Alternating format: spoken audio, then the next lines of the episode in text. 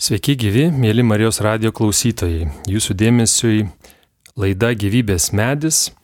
Ir šiandien laidoje su laidos viešniomis Vilniaus Marijos radio studijoje kalbėsime apie tėvystės mokyklą Gandrolizdas su šios mokyklos iniciatorėmis akušerė Jėva ir kineziterapeutė Agne. Labą dieną. Sveiki gyvi. Sveiki. Ačiū labai, kad apsilankėte Marijos radio studijoje. Taigi, tėvystės mokykla. Kas tai yra? Tėvystės mokykla Gandro Lizdas. E, kaip kilo mintis įkurti tokią iniciatyvą ir kuom iš esmės užsijama Gandro Lizdas? Tai visų pirma, ačiū Marijos radijai, kad domisi tėvystės temomis, nes iš tikrųjų tema labai plati ir mums norisi kalbėti apie tai, nes kartais atrodo, kad daug informacijos šitam laukia, nors iš tikrųjų jos niekada nebus per daug. Tai Gandro Lizdas, tėvystės mokykla, taip mes save vadiname, na iš tikrųjų tai daugiau, tai akušerės konsultacija į namus, tai žindimo konsultacija, tai kineziterapija terapeutė neštumo metu bei po gimdyvinių periodų, tai žinoma masažai kūdikiams ir mamoms. Ši iniciatyva, žinoma, gimė iš pačios motinystės, kai pirmą kartą aš tapau mama, lygiai prieš dešimt metų, man kilo minčių, kur nuvesti savo vyrą, kur pasimokyti tų tėvystės, tos tėvystės pradžios. A, tuomet aš pradėjau renkti tarytų mokymus draugams, draugiams, artimiesiems, na ir jau pirmagimiai praaugus pra, šiek tiek kilo mintis, kad na, tas ratas vis plečiasi, reikia su, suburti daugiau. E, šalia pamačiau, kad moteriams labai reikia judesio, labai reikia kažkur išeiti neštumo metu, kūnas be galo keičiasi ir čia atsirado Agne ir jos idėjas. Taip, e, iš tiesų tas neštumas atrodo, kad tas periodas nėra labai trumpas, bet iš tikrųjų per tuos devynis mėnesius neštumo tikrai labai daug pokyčių moters organizme vyksta, kuriuos mes turim atliepti, turim pastebėti. Ir čia kinesterapija, fizinis aktyvumas, tie patys masažai labai įsijungia, o po to viską lydi pogimdyvinis periodas, per kurį taip pat reikalinga kinesterapeuto pagalba tiek mamai, tiek jau ir kūdikiui. O kur dar emocinė pagalba, tai nepamirškim ir jos. Tai čia šiaip ir, ir dirbi kartu ir psichologu, arba kitaip tuo tokių palidėtojų, būtent per tą sudėtingą virsmo laikotarpį. Taip pat ir emocinės pagalbos gali gauti atvykstantis ir dalyvaujantis gandro lizdo mokykloje, tėvystės mokykloje. Na, iš tiesų mes bendradarbiavam labai noriai ir tikrai turim jau tą žemėlapį tokį e, žmonių, tai yra psichologų, psichoterapeutų dirbančių šitam tėvystės laukia. E, bet e, žinoma, kad emocinė pagalba prasideda nuo pačios pradžios, kaip sakot, žmonės pradeda lauktis, jie atvyksta į tėvystės pradžiamokslio mokymus, tai yra trijų vakarų seminarus jie susitinka individualiai konsultacijai, iš tikrųjų kiekvienam pagal, pagal žmogų mes žiūrim, ar tiesiog ateina iki Agnės ir nenori mokytis, bet nori judesio, nori masažo, mankštos neštumo metu. Ir tuomet mes pradedam spręsti elementarius dalykus, taigi kas sukelia nerimą besilaukiant, kokie jums rūpimi klausimai. Ir tam gyvam kontakte, na, iš tikrųjų tų klausimų mamoms kyla, būsimoms mamoms ir beje būsimiems tėčiams. Tai gandro lizdo toks jau moto yra, kad e, šeima ruošiasi kartu ir labai svarbu, kad čia dalyvautų abu. Man ir kilo klausimas, jūs vardinot paslaugas apie žindimą, mokymai, konsultacijos, nešių kursai, akušeriai namus, liktai tai būtų paslaugos moterims, bet mokykla vadinasi tėvystės mokykla, tai apima abu tėvus, ne motinystės, ne tik motinystės. Tai kaip e, tėčiai, vyrai čia dalyvauja? Na, nepaslaptis, kad e, vyrai neretai nejaukiai pradžioj lik ir jaučiasi ir atkeliauja tos mokymus. Nėra, tikrai negaliu drąsiai sakyti, dirbu štai akušerė jau 15 metus, tai nesijaučia mūsų Lietuvos vyrai tokie užtikrinti, kad jie žino, ką veiks atėję į mokymus, sakykime. Bet kai jie ateina ir pirmą vakarą išgirsta tiesiog tą bendrą suvokimą, kasgi vyksta su moters kūnu, antrą vakarą dalyvauja gimdymo seminare ir supranta, apie ką jis tame gimdymo veiksme, kuris galės padėti savo mylimai. Na ir trečią vakarą išmoksta laikyti kūdikį, nes mes turim muležą ir iš tikrųjų įvedam vyrus ir vyrams labai patinka ta praktikinė veikla, nes jie tikrai bus tos pirmosios rankos, nes mamai turbūt bus sudėtinga, ji norės daugiau palsėti, galų galiai jį žindys, tai yra laikotarpis, kuris užima visą mamos laiką. Tai tėtis tampa tas žmogus, kuris keičia sauskelnes, prausia mažylę ar nenešioja jį, mokina atsirūkti. Tai iš tikrųjų yra tų praktinių veiklų teveliams. Ir žinau, kad Agne irgi įpina tevelius į, pavyzdžiui, masažą gimdymo laikotarpiu, kaip jį atlikti, kaip padėti moteriai. E, taip, iš tikrųjų tai ir padėti moteriai, ir po to, po gimdymo irgi mm, visas, visi užsiemimai su kūdikiu, kuriuos apmokau abu tėvus, dažniausiai ir mama, ir tėtė, jie gali būti tikrai kiekvienos dienos rutina ir dažnai tai atlieka ne mamos, o tėčiai, tos užsiemimus su kūdikėliais, mankštas, e, masažus, e, tos pačios pirmosios ir net visa, visus metus trunkančios maudynės irgi tikriausiai dažnai tėčiai įsijungia. Tik tai galbūt tos drąsos nėra tiek daug, bet po to jie tikrai labai sėkmingai viską atlieka. Aš mėgstu sakyti, kad tėtis yra rankos, mama yra šiluma. Tai reiškia, tėtis dirba ir dalyvauja. Maudynės yra tikrai tėčių reikalas. Tai va čia mes, jeigu paruošiam tėtį ir jis yra drąsus, tai jau labai daug. Kodėl reikia drąsos? Vat minėt, kad kažkaip nedrasiai įsijungia tėčiai. Ar čia tik tėčiams galim taikyti, o galbūt ir moteris dar nepakankamai aktyviai ieško pagalbos neštumo laikotarpiu, po neštumo, po gimdymo, dėl tos drąsos kreiptis, kiek tai yra reikalinga ir kodėl tai vis tik kažkaip bijoma ir, ir nedrasu tą daryti.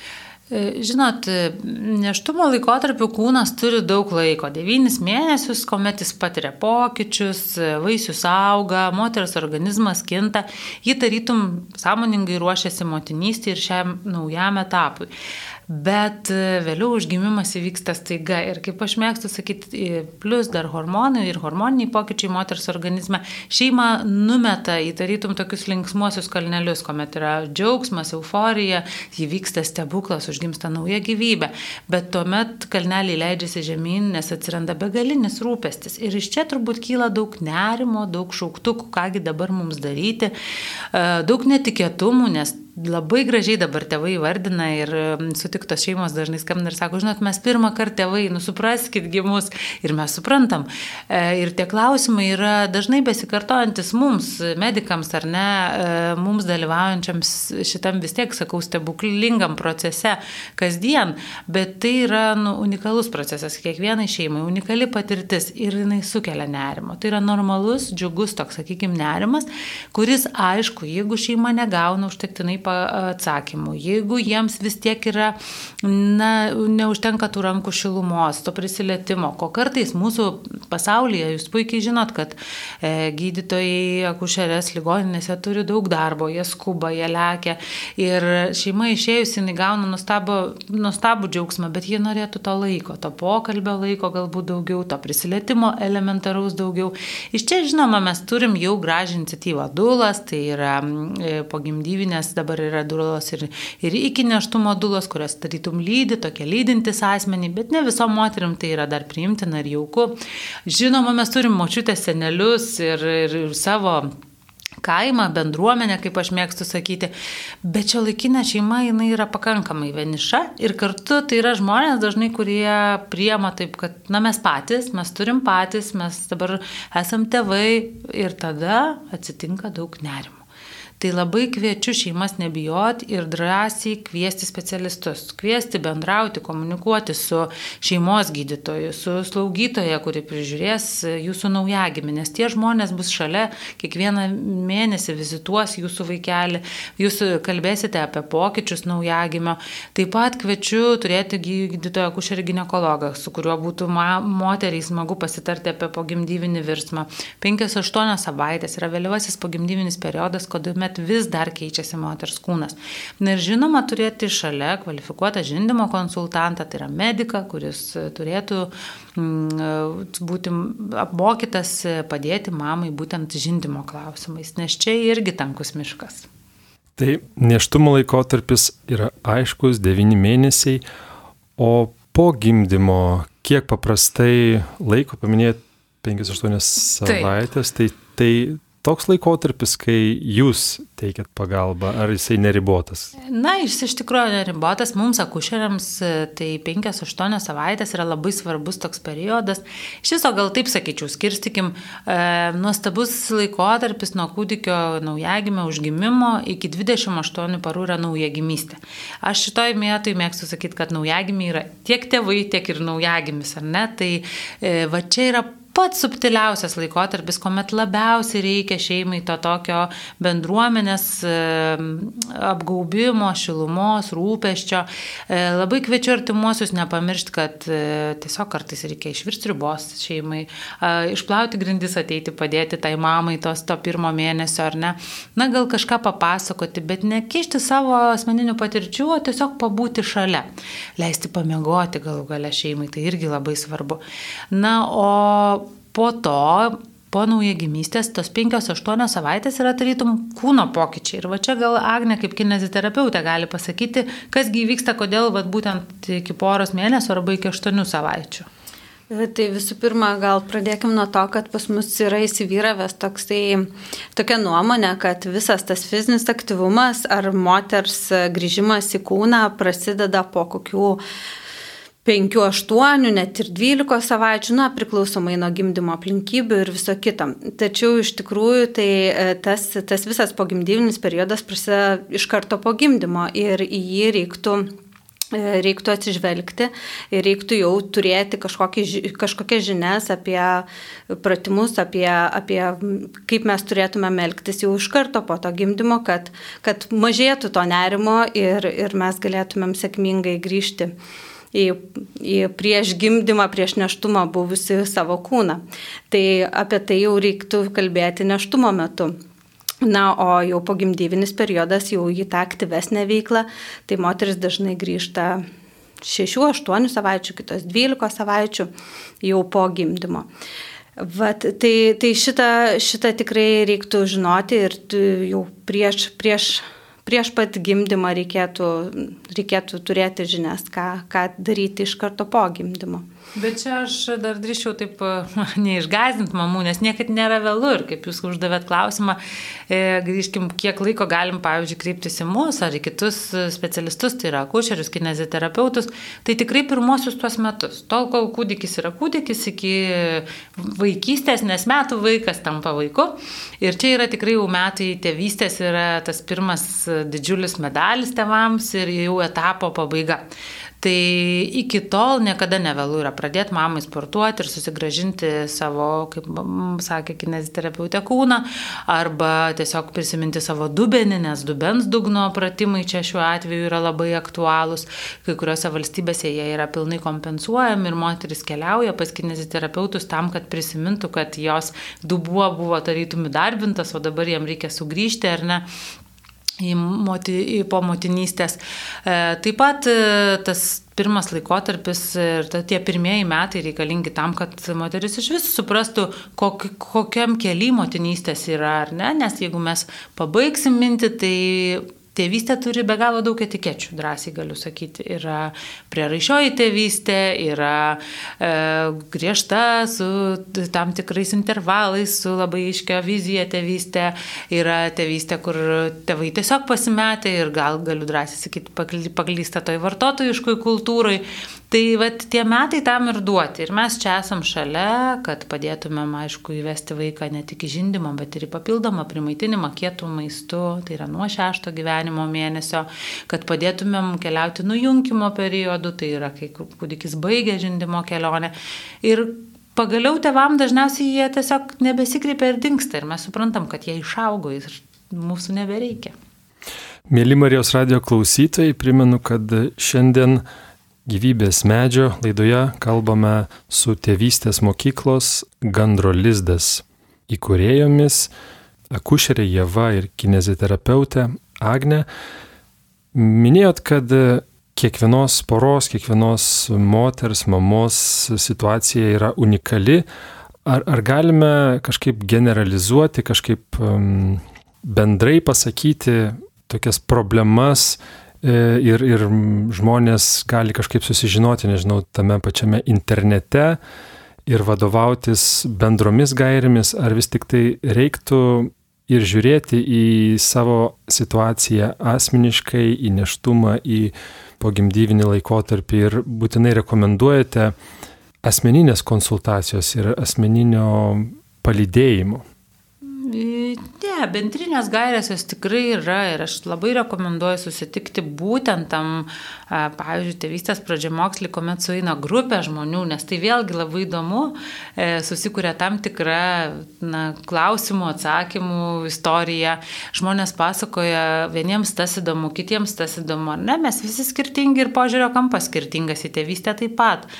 E, bet, e, ką pradėjot, kad gal galim tą bendrinę informaciją rasti internete, tai linkiu iš tikrųjų bendrinės informacijos ieškoti medikų bendruomenėje, nes tai yra žmonės, kurie mokosi ir tai vis tik yra pokytis, taip, neštumas neliga, tai yra virsmas, bet e, vaisiaus užgimimas yra procesas, kuomet reikia medikų pagalbos ir taip pat E, po gimdyvinių periodų dažnai moterim reikia būtent medikų pagalbos. E, neštumą irgi prižiūri akušeris, šeimos gydytojas ar akušeris gynekologas. Tai tai yra pirmoji grandis tevams, kurie tikrai atliepia, tikrai daug gali atsakyti. Na, o vėliau tos bendrinės informacijos ieškokit knygose, patikimuose mokymuose. Ačiū Dievui, dabar galim gyvai susitikti, tai tikrai gyvai kviečiu, nors yra dar išlikę seminarų nuotoliniu būdu, po COVID laikotarpiu mes išėjome tą nuotolį visi išmokom gyventi nuotolyje, bet e, gyvas kontaktas šiuo atveju, šitame etape jis daug svarbesnis, mano nuomonė. Tikriausiai tas e, grįžtant prie to klausimo apie nerimą ir apie specialistus ir ko ieškoti, tai, tai labai svarbu va, tam periode turėti kažkokį specialistą, kuriuo tikrai pasitikė. Ir, ir nes informacijos yra begalė. Nuo neštumo iki pogimdyvinio periodo, nuo moters sveikatos iki kūdikio tikrai labai daug. Ir, ir tas dažnai tėvų nerimas kyla iš to, kad labai daug informacijos ir negeba jos atsirinkti. Taip. Mm, tada, jeigu turi kažkokį tikrai specialistą, kurio pasitikė, ar mokyklą, ar, ar kažkokius kursus, į ką atsiremti, tai tikrai, manau, labai yra svarbu turėti.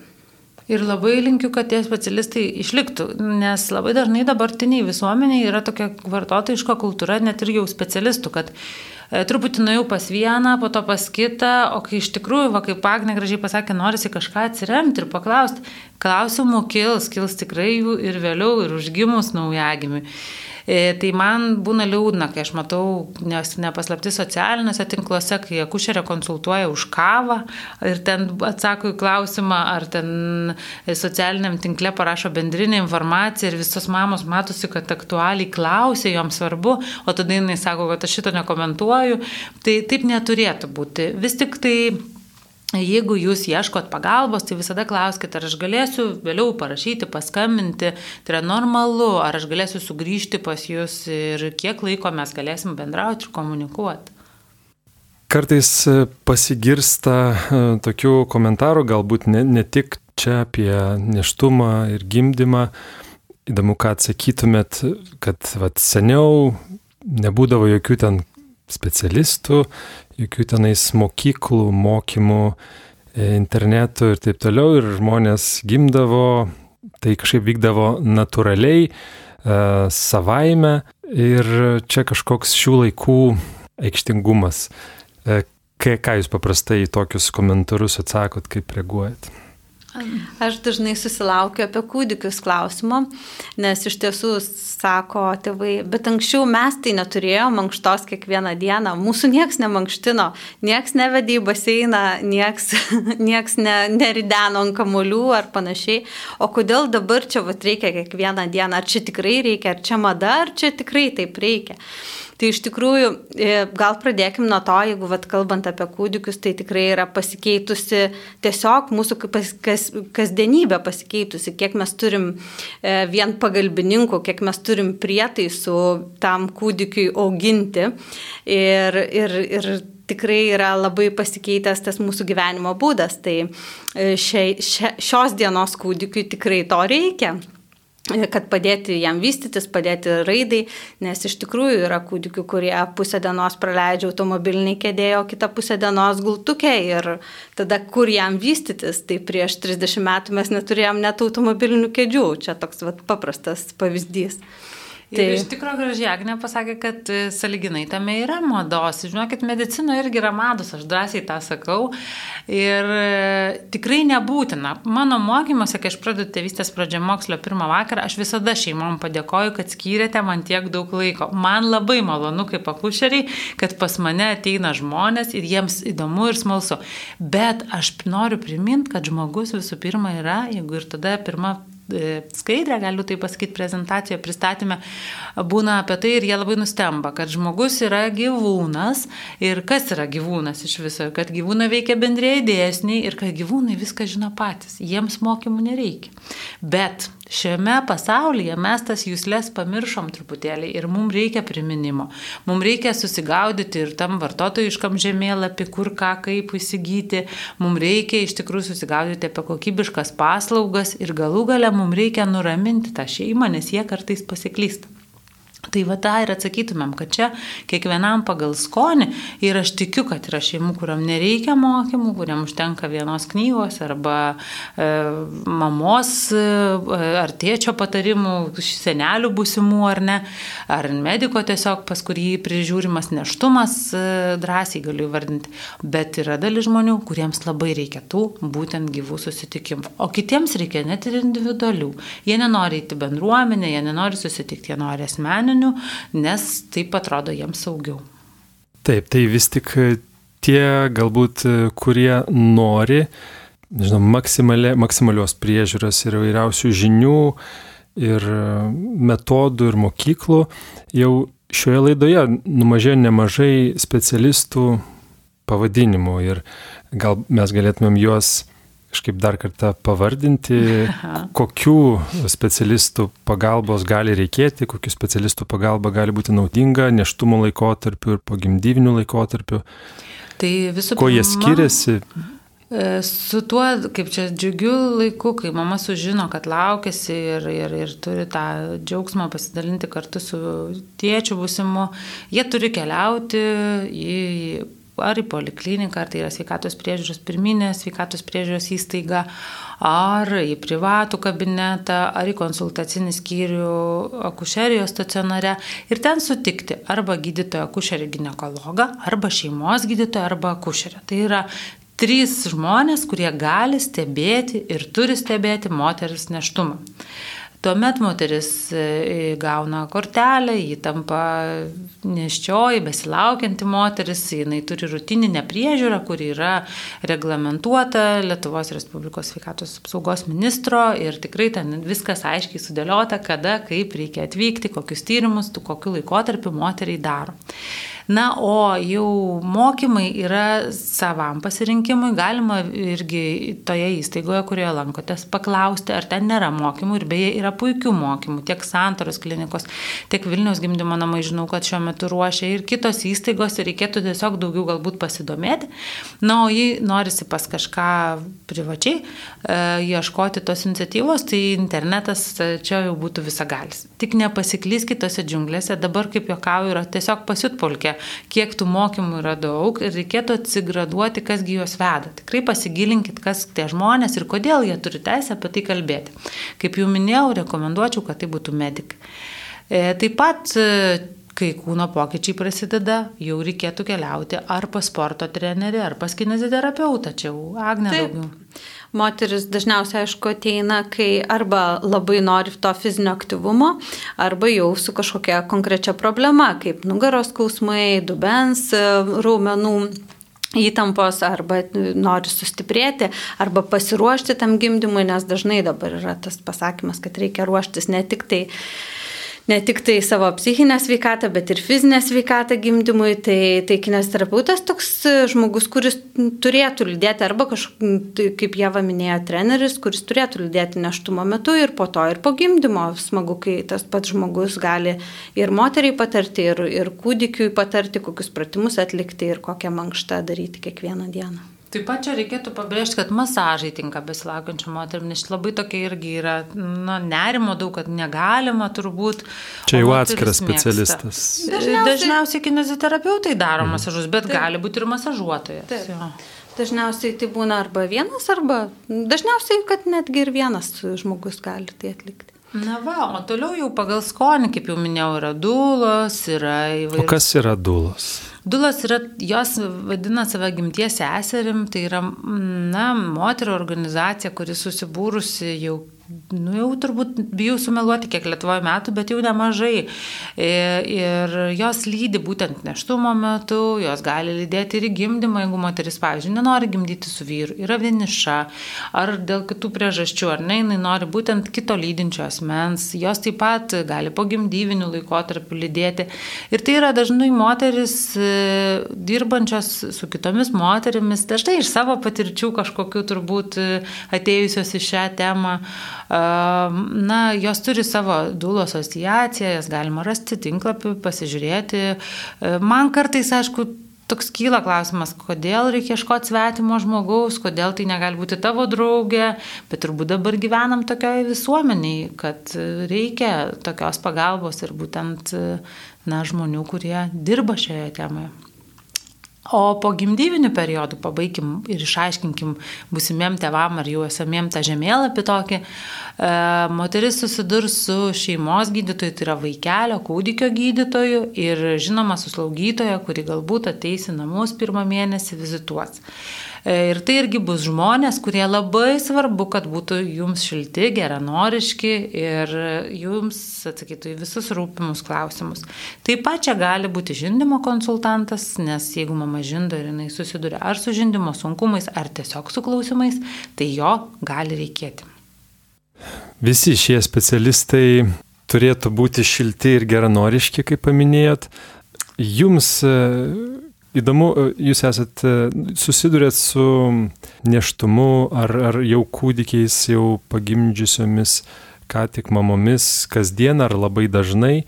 Kiekvienai šeimai tai yra ypatingas momentas, stebuklas. Ir e, kaip jūs tvarkote su tuo, ar jums tai yra iššūkis iš vis, kad jums tai tampa rutina, o kažkam stebuklas ir, ir jūs galbūt nesugebat ir mm, yra sunku atliepti taip pat stebuklingai ir taip pat ypatingai. Ar jums kyla tokie iššūkiai jūsų darbe ir bendraujant su moteriamis, šeimomis ir, ir kūdikius, prižiūrint, susitinkant su, su šeimom? Mm, aš kai pradėjau dirbti Vilniaus gimdymo namuose, tai dabar jau tai bus 15 metų, Tai aš atsimenu tą pojūtį, kai, na, nu, iš tikrųjų, iš pradžių tai yra toks stebuklas, kad su kiekvienu gimdymu, su kiekvienu prisilietimu prie besilaukiančios moters, na, tu, tu tiesiog esi tame stebukle. Ir kažkuriam etape, po gerų gal metų, aš atsimenu jausmą, kad aš suprantu, kad nu, manęs taip nebestebina. Taip, ir kaip sakot, augini tą tokią storą odą, matai kolegas kartu, kaip jie, e, na, ne visada jau stebisi taip ir, ir supranti, kad nu, ta rutina yra toksai sudėtingas dalykas. E, tai tada mane šiuo atveju labai išgelbėjo mano asmeninė motinystė, kai aš įbridau į tą pačią upę su tom pačiom moterim e, ir supratau tam tikrus poreikius, e, kurių kartais gal kaip specialistas ne visada gali ir suprasti, ar ne. E, supratau kai kuriuos nerimus, na tai dabar jau esu įbridus taip giliai, nes esu trijų dukrų mama. Ir kol kas todėl turbūt labai jaučiuosi ta, toje upėje kartu su moterimis, su šeimomis, plaukianti ir su tais pačiais iššūkiais ir dar neužmiegu, bet visada labai to bijau ir kartais sakau, kad na tada reikės keisti kažką, tada jau tikrai nebevesti mokymų, o, o gal kažkur kitur keliauti su savo tiesomis, nes man atrodo, kad čia labai svarbu matyti tą šeimą plačia širdim. Kaip jums, Agne? Aš dabar pagalvojau, kad iš tikrųjų yra labai toksai mano akims stebuklas, kai aš matau ateinančią moterį, kuri ten 12, tarkim, ar ten 15 savaitėje besilaukinti ir po tų, nežinau, 6 ar 7 mėnesių aš jau atvykstu aplankyti su vaikeliu ir ta šeima jau tokia išsiplėtusi ir ta moteris būna taip pasikeitusi, čia jau nauji, naujas žmogus atsiradęs ir tos moters tokia, galima sakyti, transformacija, nu, jeigu galvoti apie kūną, per tokį trumpą laiką man, man yra stebuklas iš tikrųjų.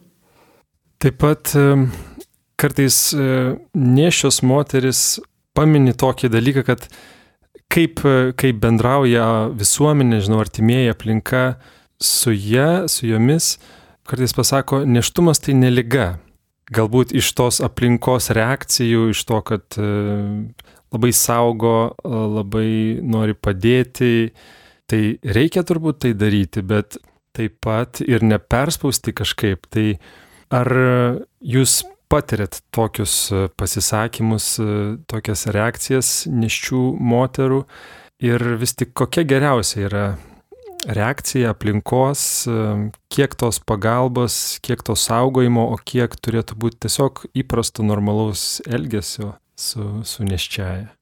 Na, ta neštumas neliga, tai turbūt yra tokia, jau tokia standartinė klišinė frazė, nes ir aš jau irgi jau spėjau ją paminėti prieš tai kalbant.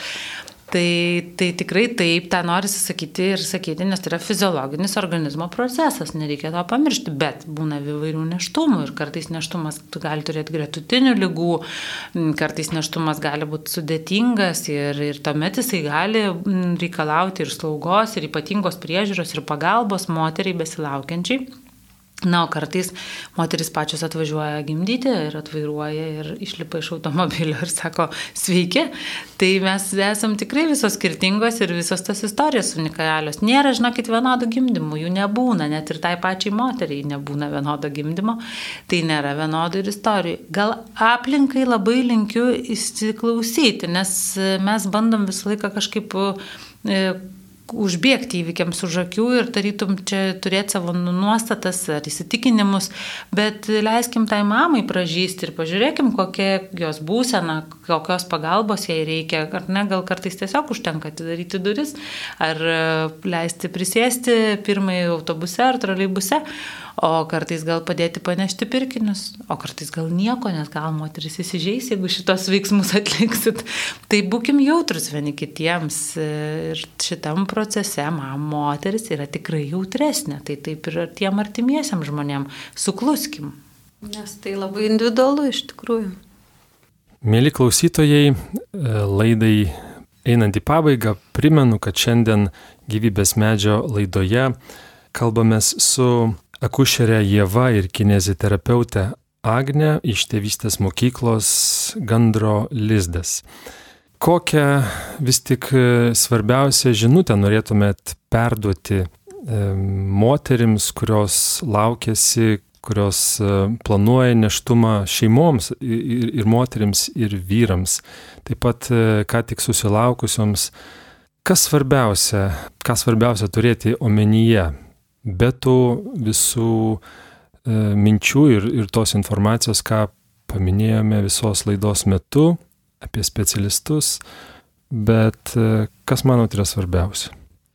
E, na, mes šiandien daug kalbėjom labai apie fizinę sveikatą, apie kūno pokyčius, e, apie pasiruošimą tėvystį, bet nepamirškim, kad sveikata susideda iš daugelio dalykų ir, ir yra toks holistinis visas mechanizmas, galima sakyti.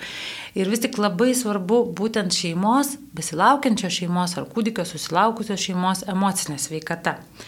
Tai čia linkiu tiesiog ieškoti tos pagalbos, jos yra, ji yra prieinama ir valstybinėse įstaigose, ir privačiame sektoriuje. Ir kaip jau dar kartą pasikartosiu, pasitikėti tai žmonėmi, kuriuos kreipiatės ir jie jums turi būti jaukus, jie turi atsakyti jums rūpimus klausimus ir nebijoti pasakyti, kad man šiandien sunku, šitam kelyje man sunku, nes mes motinystę visada piešiam su tobulu Madonos įvaizdžiu, ar ne, besišypsanti mama, laikanti kūdikį ant rankų, su tobulu įvaizdžiu, kuomet visa šeima labai laiminga su balionais, susilaukusi naujagimio, bet kartais būna kitaip ir motinystėje tikrai būna tų kalnelių aukštyn žemyn, kuomet mūsų moteris įtakoja hormonai, e, tėčius beje irgi šitie hormonai šiek tiek veikia, bet mažiau ir tėčiai dažnai išlieka tas šaltas protas. Tai vyrams to ir linkiu, linkiu būti įsiklausantiems, linkiu palaikyti mamas ir vieniem, kit, vieniem už kitų laikytis. Na, o artimai aplinkai labai norėčiau palinkėti įsiklausimo ir tiesiog elementaraus, ką jau minėjau, sribos išvirimo ar ne, pagalbos iš rankos ištesimo. Visa kita tikrai ateis. E, mes Lietuvoje gyvenam nuostabioje visuomeniai, ta prasme mes turim begaliniai daug pagalbos, bet e, kartais jos reikia susirasti jums tinkančios. Taip, tikriausiai nebijoti ieškoti, susirasti ir, ir kaip jie minėjo, nėra, vis, nėra vienodų neštumų, nėra vienodų gimdymų ar ne, tai, tai visą tai žiūrėti ir, ir, ir nebijoti prašyti tos pagalbos ir jos ieškoti. Te būna tai ir palinkėjimas e, šios laidos pabaigoje ieškoti pagalbos ir nebijoti jos ieškoti. Ačiū labai, mėly Marijos radio klausytojai, uždėmesi. Ačiū ir jums, mielos Jėva ir Agnė, už dalyvavimą laidoje. Ačiū Jums. Ačiū. Gyvybės medžio visas laidas ir šią taip pat galite susirasti marijosradijas.lt mediatekoje ir klausyti dar kartą arba dalintis su kitais. Likite ir toliau su Marijos radiju. Sudė. Sudė.